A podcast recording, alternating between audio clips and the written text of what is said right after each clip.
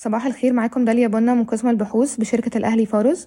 خلينا نبدأ بأخبار الاقتصاد الكلي. اقتربت الصادرات المصرية للأسواق الخارجية من تحقيق أكبر ربح ليها في التاريخ خلال أول 11 شهر من 2021 حيث بلغت 29 مليار جنيه مقابل 22 مليار جنيه مصري خلال نفس الفترة من عام 2020 بزيادة قدرها 27% أما بالنسبة للقطاعات الأخبار القطاعات الأخرى خلينا نبدأ بأهم حدثين.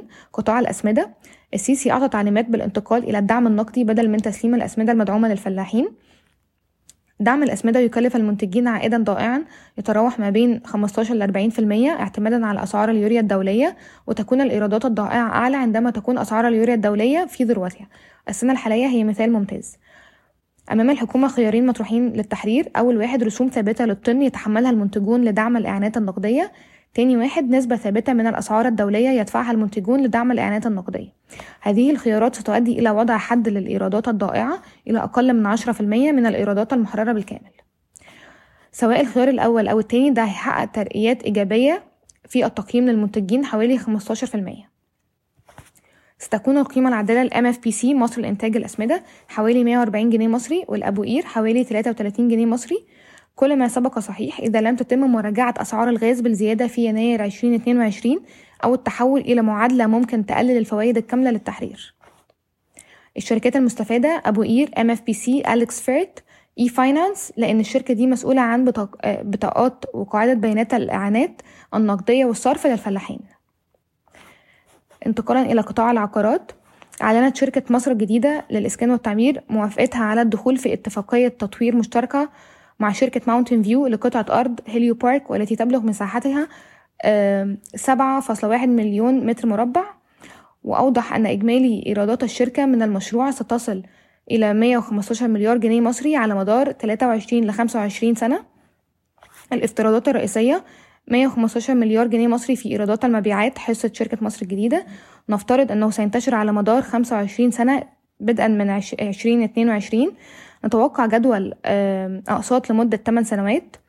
نفترض الاعتراف بالإيرادات عند التسليم مع خصم ضريبي بنسبة 22.5% ولقد اقتطعنا من التدفق النقدي مصاريف تشغيلية بنسبة 2.5% ونستخدم معدل خصم 22% over our forecast horizon.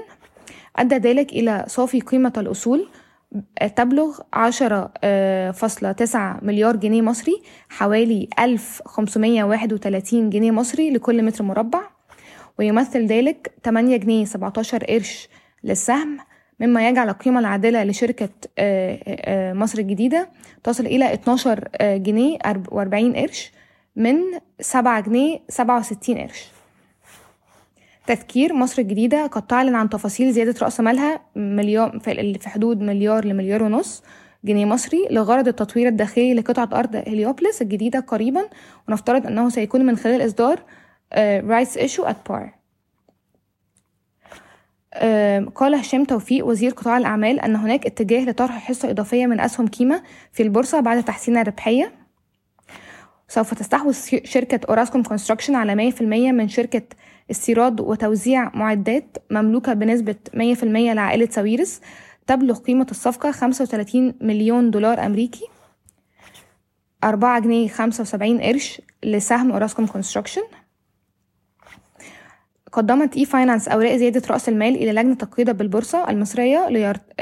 ليرتفع رأس المال المدفوع إلى 888 مليون جنيه مصري بزيادة قدرها 88 مليون جنيه موزعة على 177 مليون سهم. كشفت فوري عن توسيع تعاونها مع شركة البحر المتوسط للشحن المتخصصة في خدمات النقل والشحن البحري بهدف توفير الدفع الإلكتروني لعملائها عبر منافذ فوري المختلفة. من خلال هذا التعاون يمكن لأكثر من 15 ألف عميل في السوق المحلي المصري الاستفادة من الخدمات التي تقدمها فوري في مجال الدفع الإلكتروني في دفع الفواتير وحجز الرحلات البحرية التي تقدمها Egypt MSC كثاني أكبر خطوط ملاحية دولية.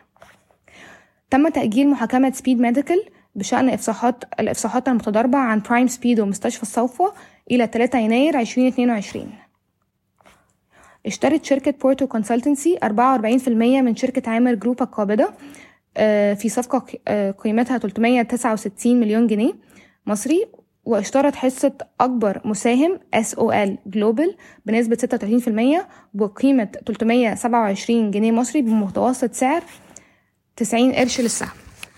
شكرا يومكم سعيد.